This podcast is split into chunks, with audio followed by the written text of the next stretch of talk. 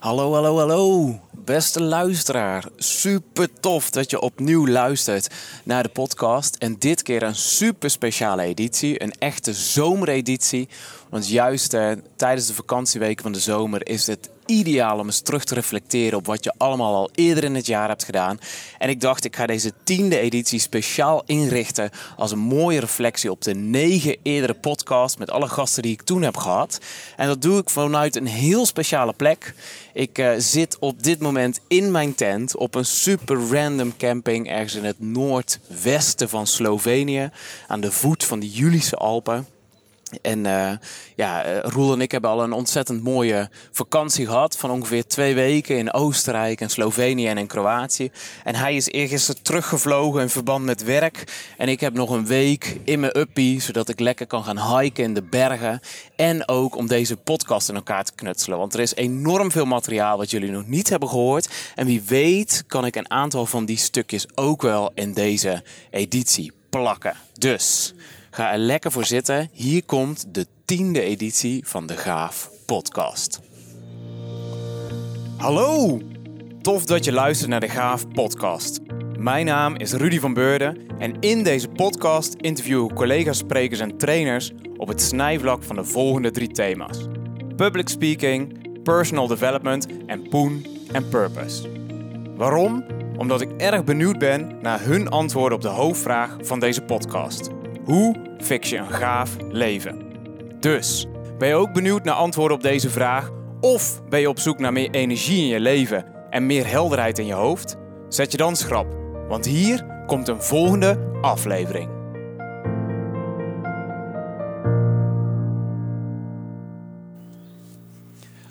Okay, hoe ga ik dit concreet aanpakken? Want ik heb mezelf echt een mega kluif aan werk voorgeschoteld om uh, een reflectie-podcast te maken. Het lijkt allemaal heel simpel en 45 minuutjes glijden zo voorbij. Maar je kunt je voorstellen dat bij al die interviews, die duren soms nog wel wat langer, misschien wel een uur of anderhalf uur, er heel veel materiaal bij heeft gezeten dat de edit niet heeft gehaald om het voor jullie beluisterbaar te houden. Maar nu is het dus uh, donderdag 8 augustus en morgen is de release datum. Ik wil echt in de reeks van twee wekelijke releases blijven.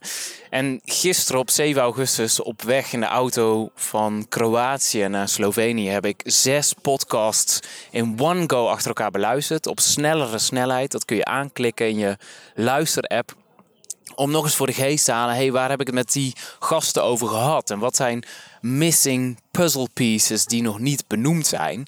En vervolgens heb ik daar een overzichtje van gemaakt in mijn aantekeningenboekje. Ik ga vandaag de resterende laatste drie podcast interviews ook nog eens heel vlotjes naluisteren. Om zodoende verschillende inzichten aan elkaar te koppelen en ook dwarsverbanden te leggen tussen die eerdere negen interviews. Om zodoende een heel tof stukje podcast opnieuw te maken. Maar laten we allereerst eens luisteren naar één mooi inzicht van Janneke, mijn allereerste gast van de Gaaf Podcast.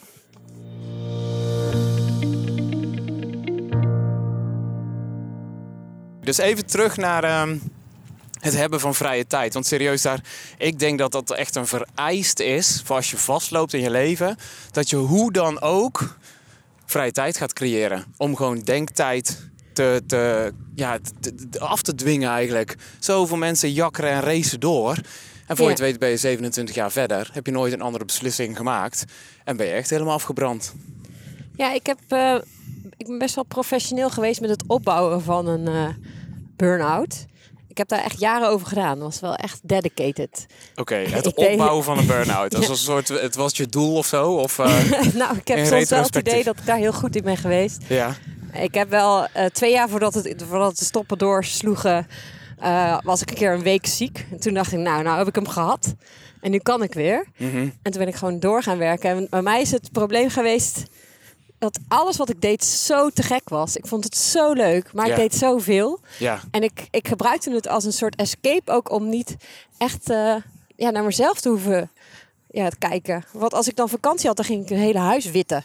Dan okay. ging ik dingen doen om maar iets te doen. Ja. En dat voelde ook heel goed. Want ik vond het ook heel leuk, omdat ik een zeer, best wel enthousiast persoon ben van mezelf.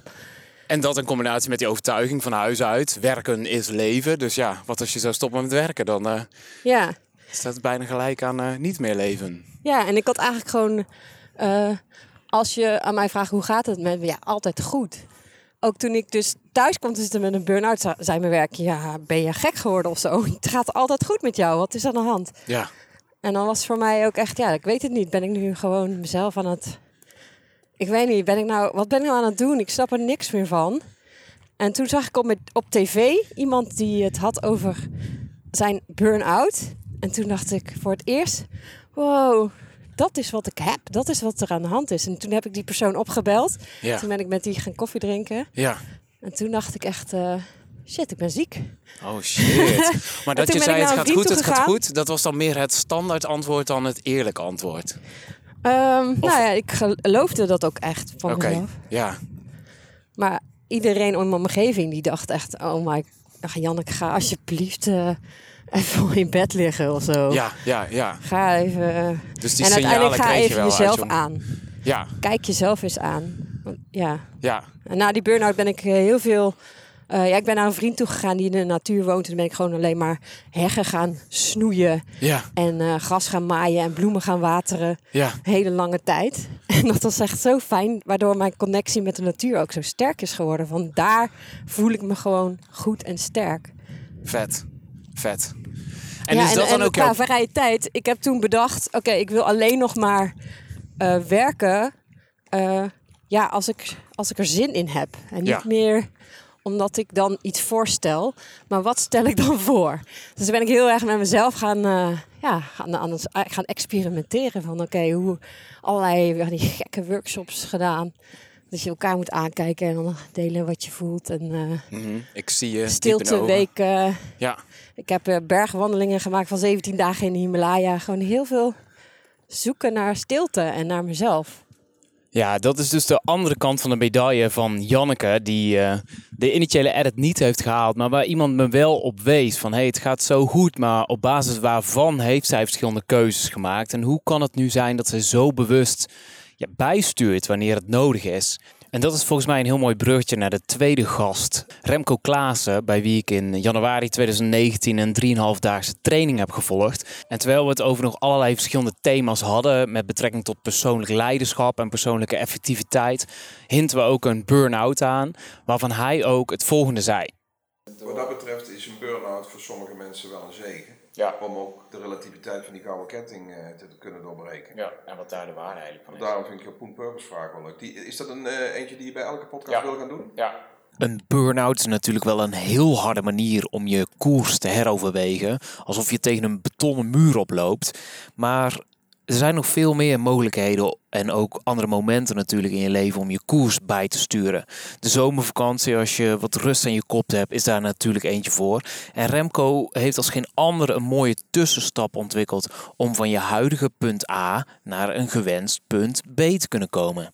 En wat me daar heel erg in aansprak van hem was het blokje leefregels. En net voordat we ja, het interview ingingen, vertelde ik daar tegen hem het volgende over. Maar ik, heb, ik denk wat jij supergoed doet, is, is met anekdotes dingen vertellen waar je tegenaan bent gelopen. eh, beslissingen die je hebt gemaakt. En één ding wat ik er zelf uit heb gehaald, dat zijn die life rules. En misschien zijn die wel tof om eh, als, als een van de centerpieces gewoon te benoemen. En misschien heb jij ook wel dezelfde ervaring als ik, dat het interview met Remco eigenlijk ontzettend kort was. Opeens was het over. Ehm, en achteraf had ik ook wel een beetje spijt om eigenlijk niet veel langer met hem in gesprek ja, geweest te zijn. Dat was ik ook wel, maar de headsets gingen af en daar kwamen nog wel heel veel waardevolle dingen voorbij. Maar het geluidskwaliteit is wel iets minder. Helemaal niks, hè, 40 minuten. Kort hè? Maar dat, dat is ook een van die dingen waar ik, wat, ik denk dat achter flow zit. Hoe meer je dus die kwispelstaart kompasnaald combineert, dan gaat de tijd heel anders voelen. Ja, met die chikmal, die die met geile muziek. Morgen heb ik weer 8 uur eh verbaal meeschap bij de Rabo. En dan heb ik ook zoiets aan. Dan zit in één keer, oh fuck, ik moet, ze moeten lunchen. De auteur waar we het over hebben, die, eh, die is, eh, dat is een Tsjech. En die heeft geschreven over flow. En zijn naam is Mihaly Csikszentmihalyi. Nou, het is eigenlijk niet uit te spreken, dus vandaar dat we er allebei over struikelen. En hij was ook benieuwd naar voor welke doelgroep ik specifiek podcast aan het opnemen ben. kan. Of uh, forensie met de trein gaan. Dus de doelgroep waar ik op mik is, uh, zijn jong professionals tussen de 25 en 40. Dus wat jongeren. En mensen die ook echt op zoek zijn van ja, hoe kan ik nou mijn eigen leven tweaken met een paar concrete tips of inzichten. En toen was het opeens al voorbij. Wat ik ook al op de terugweg in de auto zei. 40 minuten is echt veel te kort om de rijkheid van onderwerpen te behandelen die, uh, die hij in zijn rugzakje heeft natuurlijk. Dat zijn er enorm veel. Wat wel tof is om te weten is dat Remco al in heel veel verschillende podcasts terug te beluisteren is. Misschien wel in acht of tien verschillende, vertelde die me. Dus je kunt zeker ook zoeken of googlen op Remco Klaassen podcast. En dan kom je onder andere die van Eindbasis tegen. En die duurt wel zeker twee uur, dus dat is echt meer dan genoeg luisterplezier. Oh ja, gelukkig was het niet lang meer voordat het derde interview op de planning stond. Jerre, mijn maat uit podcast 3, is volgens mij überhaupt al heel blij dat hij dat hij in een podcast is gebleven. Luister maar eens naar het volgende, waarin hij ook kort terugblikt op het verschil tussen een interview en een gesprek. We lopen nu lekker hard tegen de wind in. ja. Ja, dat Eindhoven is mooi hoor. Man, man, man. Zo. Topstad. Heb je nog, uh, heb je nog een afsluiter, Rudy? Ja, Wil je nog iets kwijt? wel naartoe. Misschien ja. daar ook in dat straatje als de winter wat minder hard op staat. Oh, ja betekent niet dat we nu niet mogen praten, toch? Ja, mag zeker ook wel, ja. ja. Je knipt het er toch wel uit. Knip, knip, knip. Heb jij wel eens in andere podcasts uh, gefigureerd? Jazeker. Ja? Ja, absoluut. Van welke uh, persona? Ja, van... Uh, oh, hoe heet hij nou? Dan die, hè? Dan die van de die, hè? Ehm, Nee, ja, maar dat was heel leuk. De opname was heel leuk, maar hij heeft het nooit uh, uitgebracht. Oh, wat dan? Ja, ja, dat viel mij ook wel tegen. Ja, ik ging, dit ging over uh, innovatieonderwijs. Oké. Of onderwijs en innovatie. En daar heb je ook, uh, ook wel een paar van die YouTube-serietjes en dat soort dingen. ja, ach, ik vind dit leuker. Dat, dat was zo... Inhoudelijk? Nou, nog geen eens inhoudelijk, maar meer zo'n format. Heel duidelijk. Oh ja, we gaan het eerst hebben. En dan uh, welke bijdrage denk je te leveren aan de innovatie in het Nederlandse onderwijs. En weet je, het is even heel stom. Het is geen gesprek. Het is een, uh, het is een interview. Ja, ja, ja. Ja, dat ja. Is, ja, ik vind het leuker om met mensen te praten. Een beetje heen en weer te kaatsen. Ja, te pingpongen in een gesprek. Te pingpongen. Weet je, als het, als het alleen maar een interview is, doe ik in ieder geval geen nieuwe inzichten op. Als het een gesprek is, doen we allebei nieuwe inzichten op, ja, als het goed is. Zeker.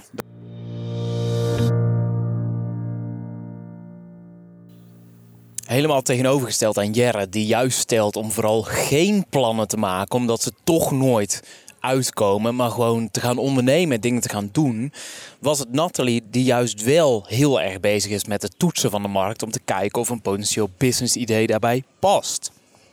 Helaas heb ik niet van elk interview extra hidden material. Niet van die van Natalie, podcast nummer 4. En ook niet van die van Larissa, podcast nummer 7. Omdat dat eigenlijk tussen de bedrijven door plaatsvond. En we allemaal razendsnel naar het interview weer door moesten met iets anders. Maar wat me wel heel erg bijgebleven is vanuit het interview met Natalie, is op professioneel vlak elke trainer, spreker heeft zo zijn eigen genre, hoe die voor de groep staat. En dat moet wel echt matchen met de doelgroep om een uh, ja, toffe klik te hebben. En van Larissa kwam naar voren op persoonlijk vlak om juist echt de tijd nemen voor heel veel dingen. Dus volgens mij is dat ook al een dikke tip die echt wel de moeite waard is om nog eens te herhalen. Neem de tijd voor de dingen die je doet. En voor heel veel jakkerende, hectische mensen in het uh, drukke Nederland, doe minder. Dus ja, helaas heb ik hier geen extra behind the scenes van, maar dat creëert wel mooi de tijd voor het volgende. Laat ik hier ook nog even de tijd nemen om een dikke vette shout-out te geven aan Joost Liebrechts van Purpose Design. Hij heeft me enorm geholpen in de voorbereiding en in de setup van deze podcast. Onder andere met het uitzoeken van welke apparatuur echt heel fijn is. Maar vooral ook uh, het editen, met welke software je dat doet en welke instellingen heel fijn zijn. En hij zelf heeft ook een podcast, uiteraard. Shots of Purpose heet die. En ook in een van die afleveringen was ik een keer te gast. Ik zal eens even kijken of ik daar een linkje van uh, in deze omschrijving bij kan plakken. Maar uh, hij vroeg me ook eens van, hey, hoe pak jij het aan met de interviews? En pas je ze helemaal netjes af in 45 minuten of niet? En dit is wat ik er toen over vertelde. Ehm, maar sommige interviews die vliegen een beetje uit de bocht. En dan denk ik ter plekke, oké, dit is ook wel leuk. Maar eigenlijk het allerleukste is als mensen hun microfoon afdoen. Dan hoor je echt de meest vital shit. En heel vaak laat ik ze dan nog wel op tafel liggen en aan, zonder dat ze dat weten. En soms gebruik ik daar dan ook content van. Ja, en zoals gezegd, eh, deze tiende editie, eh, daar zul je nog wel meer dingen horen die je nog niet eerder hebt gehoord. Want nu kan ik mooi putten uit al dat materiaal wat ik nog op de harddisk heb staan. Zoals hoe ik aan Nathan de Groot vertelde over de toegevoegde waarde van het hebben van een eigen podcast. Nu ben ik lekker op tour. En dan heb je ook een excuus om eh, met een koptelefoon naar allemaal plekken te gaan. Dat is ook leuk natuurlijk. Ja, en je gaat het gesprek op een andere manier met mensen aan. Je neemt meer Ja. tijd voor mensen. Je komt inderdaad op bijzondere plekken. En de extra toegevoegde waarde is dat mensen er ook nog eens op kunnen reageren. En in het begin vond ik dat best een beetje eng wat mensen ervan vonden. Ehm, en op een gegeven moment moet je dat toch wel loslaten. Want je Hm. doet wat je kunt. En je hoeft het helemaal niet te perfectioniseren. Want één, dat bestaat niet. En twee, dat wat die andere ervan vindt, hoeft niet per se Hm. de rode draad te zijn voor al die luisteraars of zo. De vijfde podcast nam ik op in Weesp samen met Marlinde. En wat de edit niet gehaald heeft, maar wat wel 100% helemaal waar was, is dat Marlinde op dat moment zwanger was. Dus zij en Paul worden binnenkort voor het allereerst moeder en vader. En ik belde met Marlinde vanuit mijn tent in Slovenië om haar te vragen of dat effect heeft op hoe zij in het leven staat. Want tijdens ons interview op het bankje aan de plas in Weesp was ze natuurlijk heel relaxed en laid back. Maar ja, ehm, wat iedereen ook wel om haar heen tegen haar zegt, is dat als je moeder wordt, dan veranderen er wel een paar dingen. Komt er heel wat meer structuur bij kijken. En heb je aardig wat verantwoordelijkheden. Dus hier het telefoontje met Marlinde.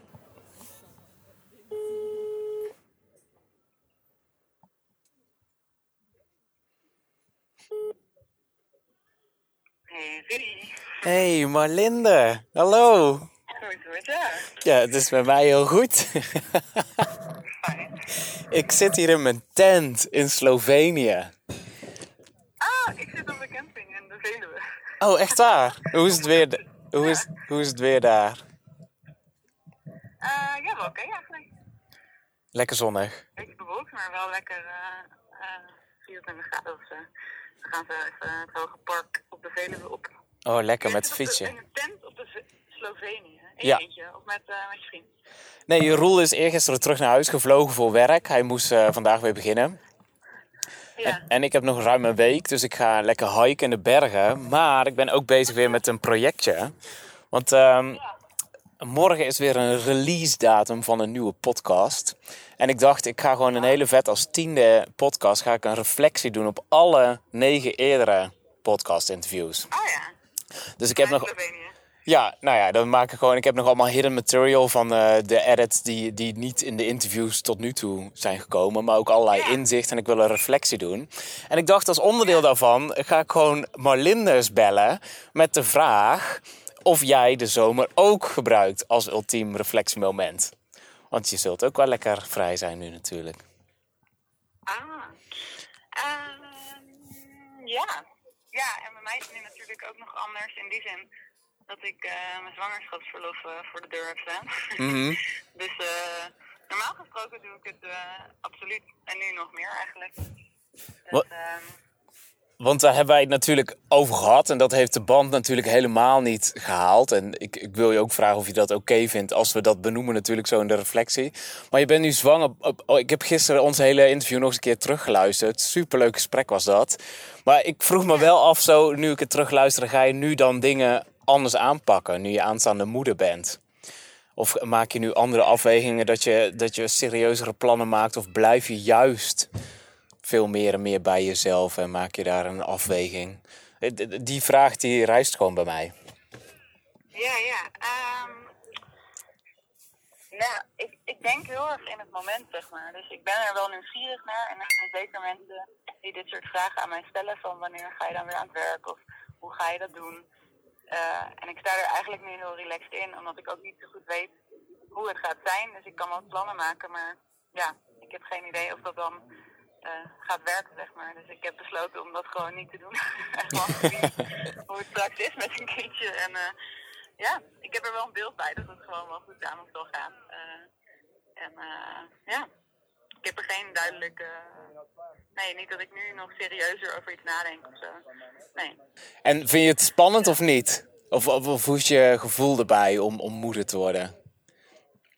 Leuk eigenlijk, ja. Nee, we hebben het er heel veel over ook eh, hier op vakantie. nee, echt gewoon heel leuk. Ja, ik weet niet, ik kijk er gewoon heel erg naar uit. En eh, ik denk dat ik gewoon vet veel van een kindje ook weer kan gaan leren. En het hele proces en hoe een kindje naar de wereld kijkt. Dat Ja, is toch ook wel weer heel bijzonder. ja, Wij zijn dan toch weer meer geconditioneerd, zeg maar, in een aantal dingen wat goed of slecht is. Wat, wat dan ook, wat hoort, wat niet hoort. ja, ja. Een kindje heeft dat natuurlijk in het begin veel minder. Klopt. Ja, dat viel me heel erg op, want ik heb gisteren echt in One Go zes interviews teruggeluisterd. En in een van die interviews zei Nathan ook van, ja, we beginnen vooral ook als je start met ondernemen met ja, ja, ja, ja, ja. Je zegt eigenlijk overal ja op. Ja.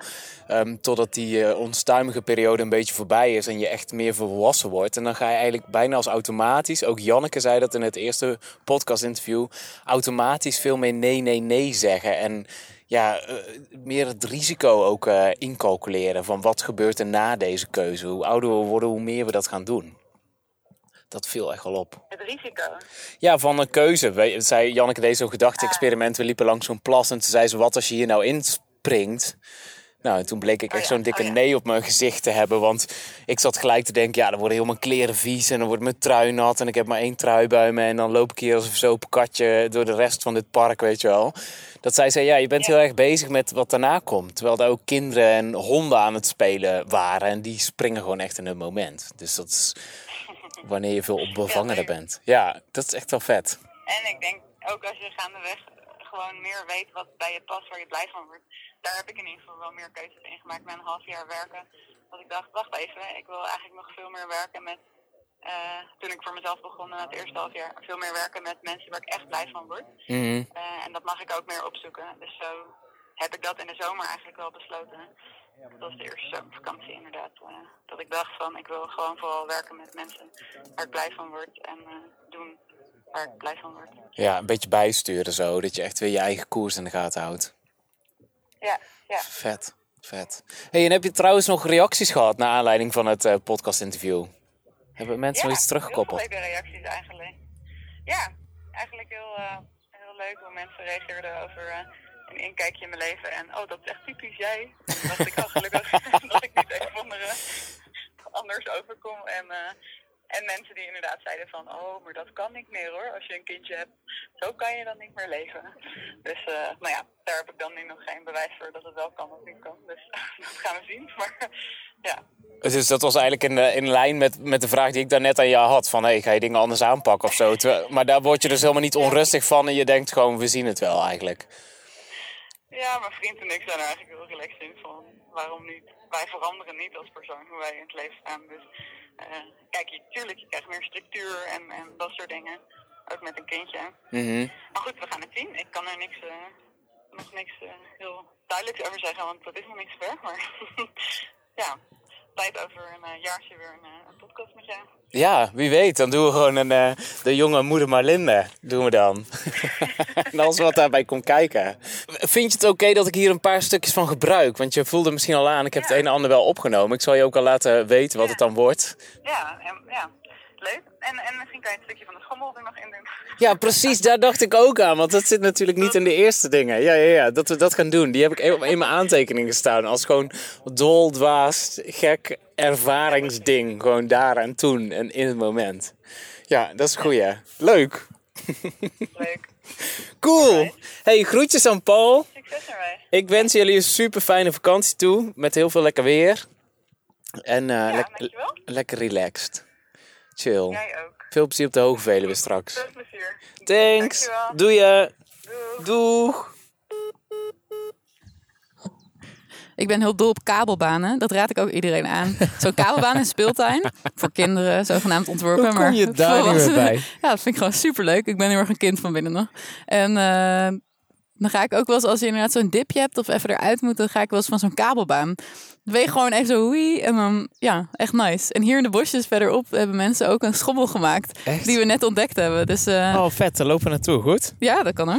Leuk. Wil je het live eh, geluid capturen? Ja, doen we. Dat is een mooi fragmentje tussendoor. Laat hem gewoon aanstaan. Oké. Hebben we alles? Ja. Ik ga het gewoon vasthouden, dan kan ik het wel doen, toch? Ja? Toch? Ja? Als ik het gewoon vasthoud zo? weet het niet. Vast wel. Met één hand? Ja? Oké. Moet je met twee voeten of niet? Ja, doe maar. Kijk maar. Oh, daar ga ik zo hard op mijn bek. Oké, 3, 2, 1. Hier moet ik ook van Ja, dan moet je snel zijn.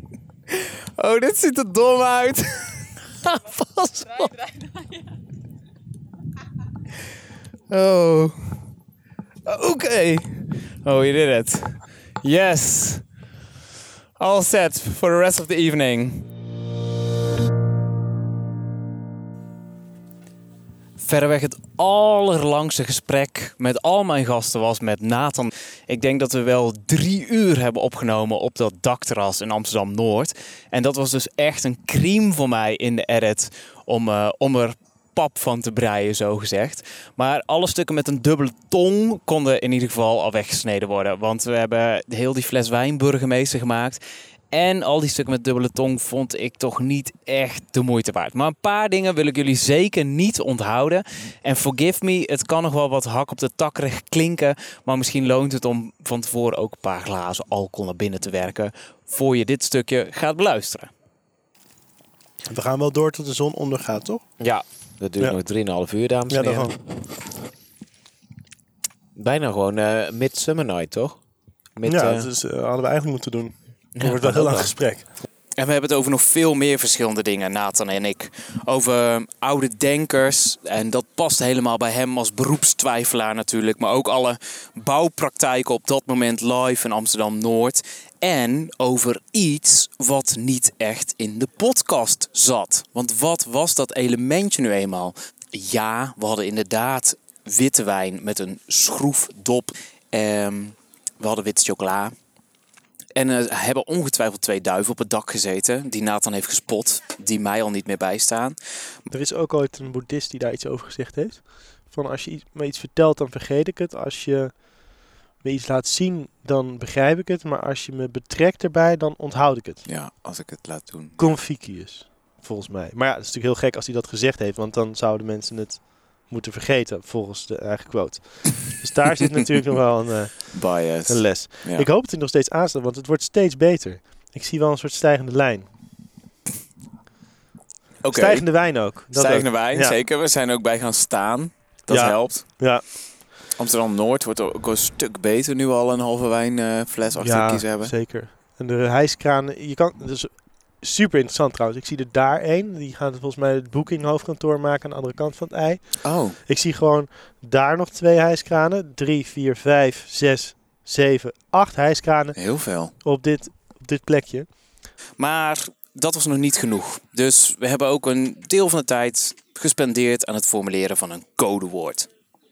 Nou, het lijkt me wel leuk als mensen dan ook dat laten weten. Want heel vaak zeggen mensen dan toch van, oh, ik heb je gegoogeld of zo. Maar we kunnen ook zeggen dat eh, codewoord bijvoorbeeld banketstaaf is. Dat als mensen dat appen of naar jou ehm, op een of andere manier aan jou laten... Zo'n codewoord lijkt me een ontzettend goed idee, maar het mag wel een stukje creatiever. Ja? Nou ja, eh, wat zou je voorstellen? Ik, ik vind roosterbottles ook al goed. Iets waar je normaal niet aan zou denken. Siroopstroop. Een beetje dubbel op. Dus, het is een Je codewoord. bent, er is ook een dichter in jou verloren gegaan. Zou je ook iets kunnen pakken wat we nu zien? Bijvoorbeeld hijskraan. Of wat al benoemd is, Zwitser zakmes. Nou, als mensen Zwitser zakmes eh, benoemen, dan zou ik ze dus geen korting geven. Maar zou ik wel, De verdubbelaar in zou ik wel eh, een goedkeurend knikje eh, geven. Zeg maar, ze. Als ze ongrijpbaar benoemen. Ja, nou dat is ook een ongrijpbaar Zwitser zakmes. Dan hebben ze in ieder geval geluisterd. En dan weet je ook dat ze bepaalde geduldeigenschappen hebben. Want dan zit ze gewoon dat drie uur van hun eh, toch wel dierbare leven naar eh, dit te luisteren. Hopelijk doen ze ondertussen de afwas of iets anders nuttigs. Dat is wel misschien eh, een beetje zonde. Dus, weet je, een van deze vele geheime woorden nog te onthouden? Mail ze dan naar podcast.gaaf.eu en maak kans op een lekker koffietje met mij. Of misschien wel een hele toffe dubbeldate met Nathan en mij. Ja, eerder hoorde je ook al vertellen dat ik eh, Remco Klaas ontzettend sterk vind in het vertellen van zijn anekdotes. Een kort verhaaltje met daarin een les, een boodschap. En volgens de mening van Nathan hadden we daar er nog niet genoeg van behandeld in ons gesprek. Wat weliswaar al drie uur duurde. Maar gelukkig komt er hier alsnog eentje.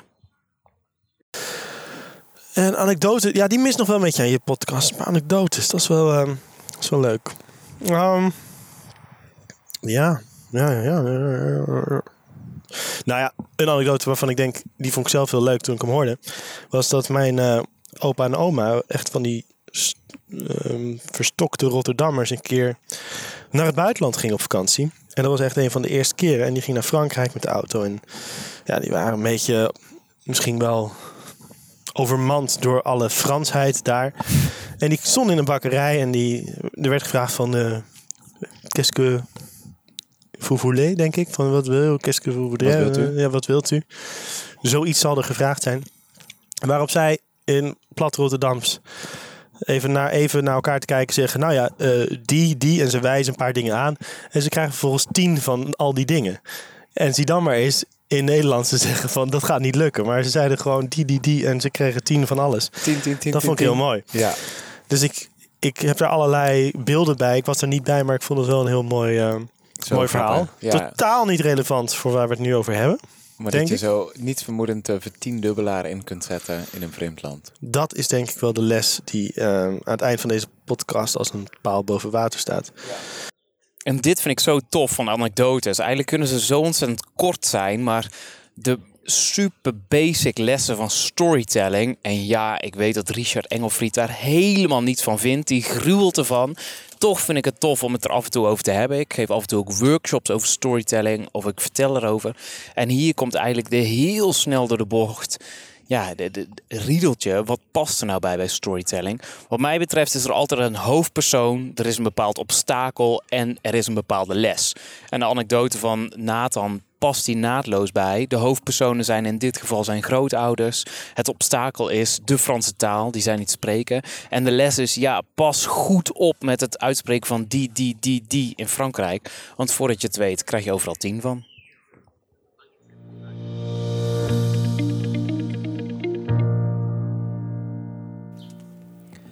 En misschien weet je je ook nog wel te herinneren dat Nathan in de zesde podcast zei dat hij ons interview niet echt zozeer had voorbereid. Hij had wel geluisterd naar de podcast met Marlinde, maar hij ging gewoon open met een open blik ons gesprek in. En precies dat gaf Richard ook aan na ons interview. Dus Richard Engelfried, zogezegd de leermeester van Nathan. Nathan heeft twee jaar voor hem gewerkt. Sprak ik in de achtste podcast. En toen ik daarvan terugliep, terug naar de trein in Tilburg, zei ik daar het volgende over. Oh, en wat ik trouwens ook nog interessant vind. Hij zei ook, leuk die drie verschillende thema's die je ook verwoordt al in, in, de introductie van de podcast.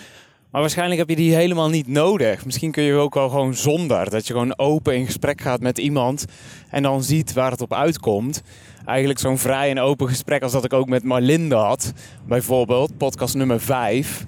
Ja, daar is ook wel wat voor te zeggen. Want ik dacht, het geeft me wat sturing en richting. En het maakt ook wat duidelijker voor jullie, de luisteraar, waar gaat deze podcast nou eigenlijk over. Maar ja, gewoon al door de selectie van de gast, een interessante spreker slash trainer. Die hebben sowieso altijd wel iets op hun mouw. Dat ze er gewoon zo uit kunnen schudden. Dus dat moet eigenlijk al voldoende zijn. Dus dat geeft weer stof tot nadenken voor een volgende. Wat me ook ontzettend opvalt is dat iedereen echt een andere batterijlader heeft. Zo is het voor Jerre bij een haardvuurtje zitten met een cognacje, een goed boek en een sigaartje, een hele wensenlijst. Maar is het voor de een van een kabelbaan afgaan en voor de andere juist muziek maken of zingen? Ja, ik vind dat heel leuk om te doen. Hele... Ik vind muziek maken altijd, maar ook daar heb ik nooit... Dat is ook bij toeval gewoon begonnen.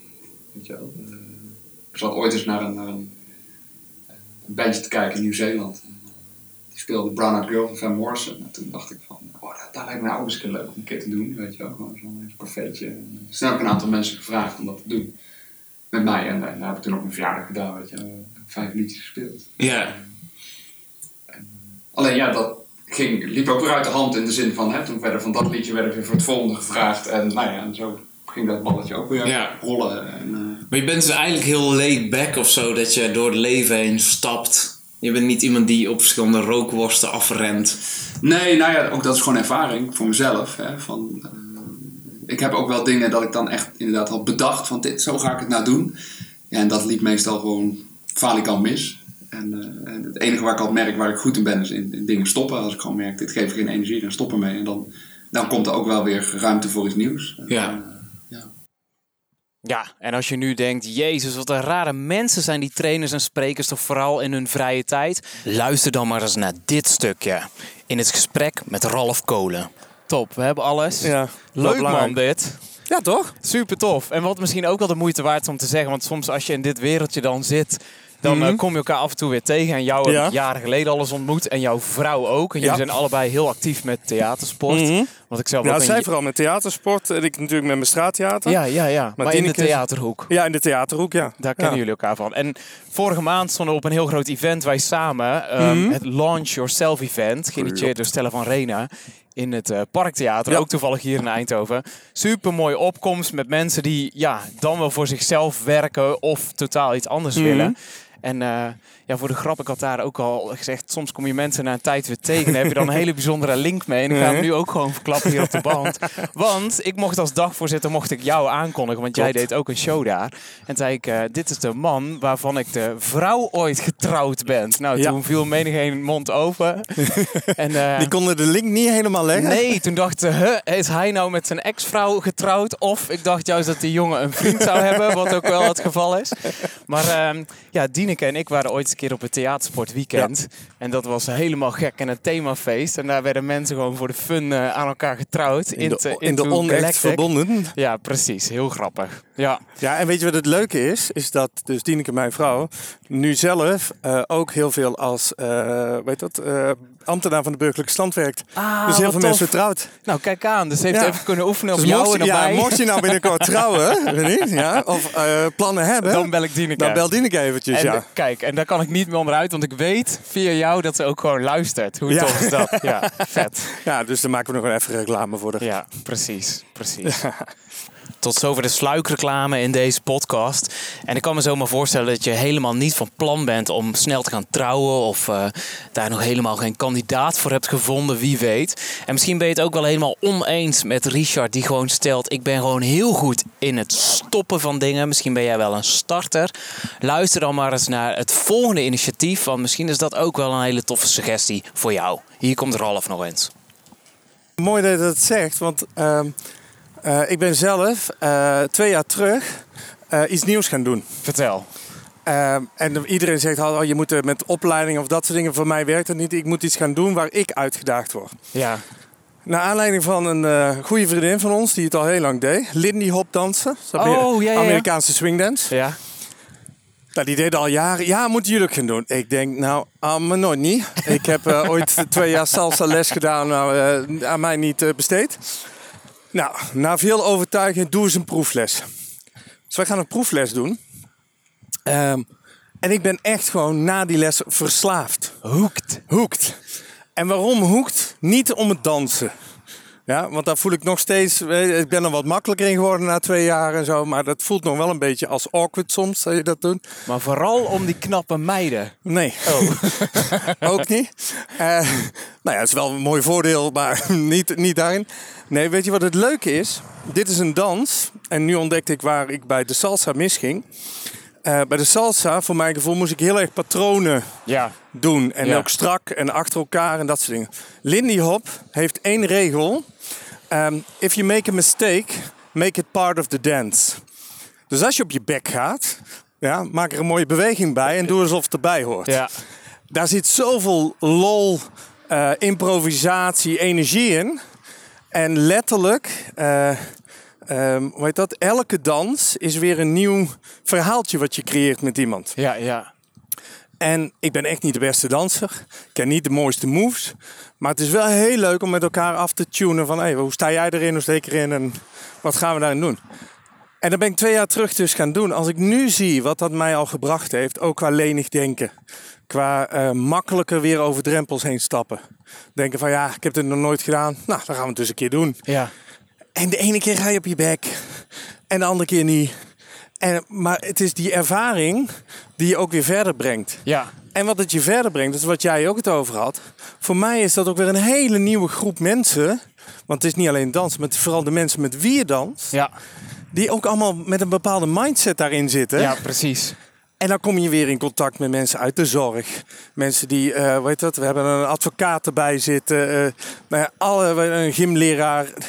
En die Allerlei. komen ook weer met hun eigen verhalen. Verhalen. En eigen, ja, ja, ja. En daardoor ga je ook weer uit je standaard Patroon, uit je eh, bubbel. ruimte. Ja, ja. Want je hoort ook weer eens een keer de andere verhalen. Terwijl, ja, dat zul je ook wel herkennen. Op een gegeven moment zit je ook een beetje in... Nou ja, altijd weer met het management rond de tafel. Je hoort dezelfde verhalen. Mhm. In je vriendenomgeving, die doen vaak ook weer iets vergelijkbaars. Ja, ja. En nu hoor je iemand gewoon vertellen van... Ja, ik stond vandaag aan een bed bij mevrouw Jansen... en die, eh, die wilde niet gewassen worden. Ja, ja. Nou, dan ben ik geïnteresseerd van... Oké, hoe beweeg jij dan Die zo persoon, iemand... Ja, om het toch voor elkaar om te krijgen. voor elkaar te krijgen? Ja. Ja. En dat zijn weer, de, ja, vind ik, de leuke dingen om, eh, om mee bezig te zijn. Dus ja, zorg dat je elke keer jezelf weer eens een keer verrast door iets nieuws te gaan doen. Tof. Ik zit nog steeds lekker in mijn tentje tussen al mijn spulletjes. Een of andere rare tik van mij om jaarlijks te gaan kamperen. Wellicht een van mijn life rules is back to basic te gaan, minstens één keer per jaar. Eh, en dan ook lekker lang. Het liefst neem ik vanaf half juli tot half augustus helemaal vrij. Want vaak gebeurt het dan toch helemaal niets in het eh, eventlandschap of op scholen of bij organisaties waar ik vaak werk natuurlijk. Ehm, en dan ga ik lekker kamperen. Iets wat ik heb overgehouden van mijn backpackersperiode toen ik 18 was. En het is zo fijn om tussen al mijn spulletjes te zitten. Maar ik moet wel al concluderen dat ik de hele dag al bezig ben. Het is nu half acht 's avonds en ik ben vanochtend al begonnen.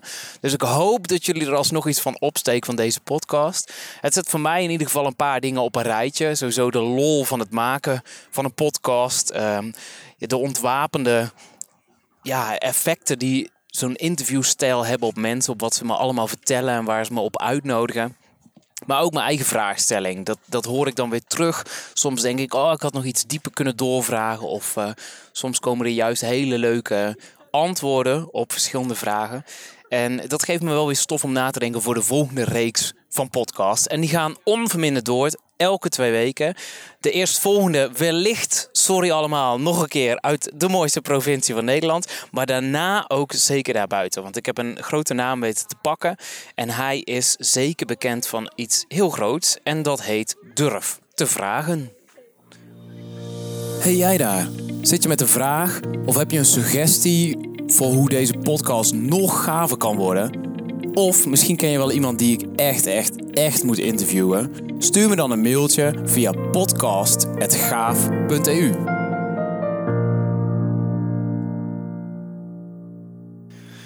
Wauw, wat een, wat een band! Het blijft echt zo inspirerend om in gesprek te gaan met mensen. En, en het enige jammere misschien wat ik vind aan dit, eh, aan deze podcast, aan deze manier van met mensen in gesprek gaan, dat drie kwartier misschien wel echt heel weinig is. Maar ja, dat hou ik nog maar eventjes erin, want als ik gesprekken ga houden van anderhalf uur of twee uur, wat gewoon gemakkelijk kan. Zo was ook het geval met Nathan en met Richard, waar ik nog wel een uur bij aan de, aan de tafel heb gezeten nadat de microfoon uitging.